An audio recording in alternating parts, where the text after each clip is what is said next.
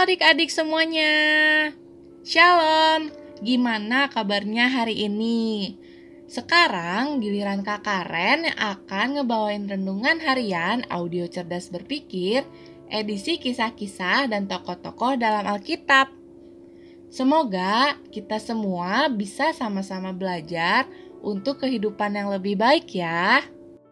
Bacaan kita terdapat dalam kitab Hakim-Hakim pasal 14 ayat ke-24 sampai dengan 46. Kalian bisa baca kisahnya supaya kalian juga tahu ceritanya ya. Jadi, pada lain kesempatan orang Israel berperang melawan orang Filistin. Dalam kitab 1 Samuel pasal 14 ayat 24 mengisahkan begini. Ketika orang-orang Israel terdesak pada hari itu, Saul menyuruh rakyat mengucapkan kutuk.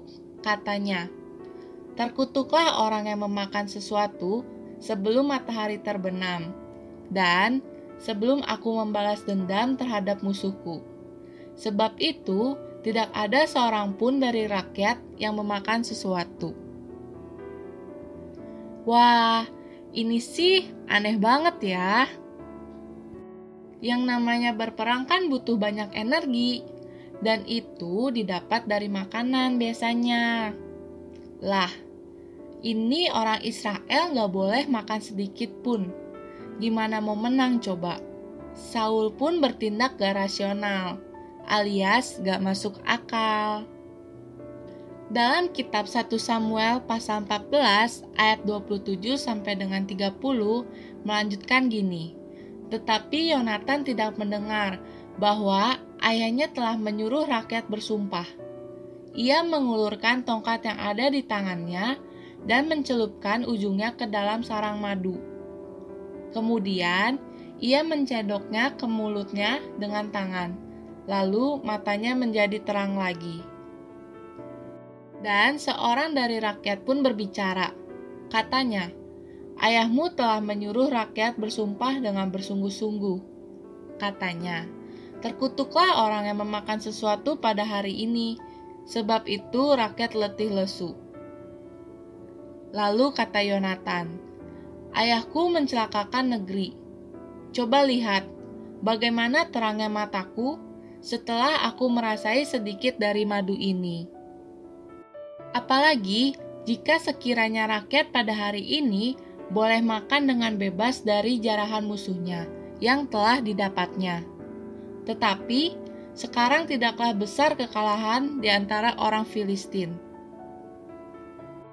Nah, benar kan yang dilakukan dan dikatakan oleh Yonatan? Dalam hal ini, Yonatan berpikir rasional.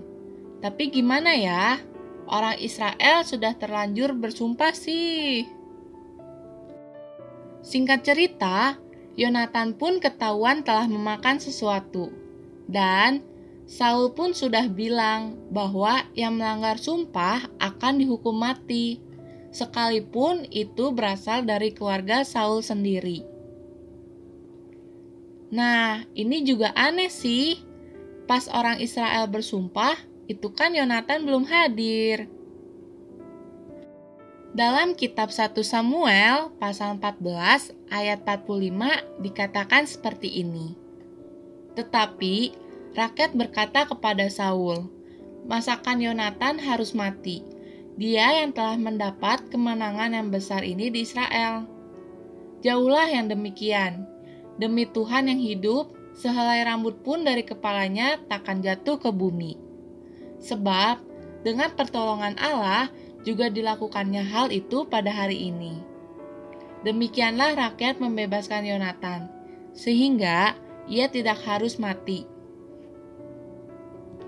Wah, untung aja nih rakyat membela Yonatan. Dari kisah ini, kita belajar satu hal berharga nih. Betapa pentingnya untuk berpikir rasional atau masuk akal dalam menjalani kehidupan ini Misalnya nih, pas lagi sakit yang lumayan parah. Kalau mau sembuh, ya berobat ke dokter lah. Kalau mau jadi anak yang pintar, ya belajar dengan tekun. Jangan cuma berdoa saja ya. Kakak Ren gak bermaksud menganggap enteng doa ya. Tapi doa gak dimaksudkan untuk meniadakan tanggung jawab. Berdoa dan bertanggung jawab adalah dua hal yang harusnya berjalan bersamaan. Ya, intinya adalah kita harus berusaha berpikir rasional atau masuk akal. Dengan berpikir rasional, kita sedang berupaya untuk menghargai apa yang sudah Tuhan karuniakan kepada kita, yaitu akal budi. Dan ternyata, sikap tersebut juga adalah upaya kita untuk mengasihi Tuhan loh. Tuhan Yesus dalam kitab Matius pasal 22 ayat 37 bilang seperti ini. Jawab Yesus kepadanya, Kasihilah Tuhan Allahmu dengan segenap hatimu dan dengan segenap jiwamu dan dengan segenap akal budimu. So, yuk kita belajar untuk berpikir rasional ya. Oke? Yuk adik-adik sekarang kita berdoa ya. Tuhan Yesus, terima kasih atas waktu yang telah kau berikan kepada kami semua untuk kami bisa mendengarkan firman Tuhan saat ini. Tuhan, bantulah dan ajari kami semua untuk kami bisa berpikir secara rasional atau masuk akal, agar apa yang kami pikirkan bisa menjadi hal yang positif dalam kehidupan kami dan untuk orang-orang di sekitar kami. Tuhan, terima kasih juga atas karunia yang telah kau berikan kepada kami, yaitu akal budi. Tuhan, sebentar kami akan melanjutkan aktivitas kami. Kiranya Engkau selalu melindungi dan memberkati kami. Terima kasih ya Tuhan. Dalam nama Tuhan Yesus, kami telah berdoa dan mengucap syukur. Haleluya. Amin. Oke adik-adik, tetap sehat, tetap semangat, dan tetap jadi berkat ya. Jangan lupa juga untuk bahagia. Tuhan Yesus memberkati. Dadah!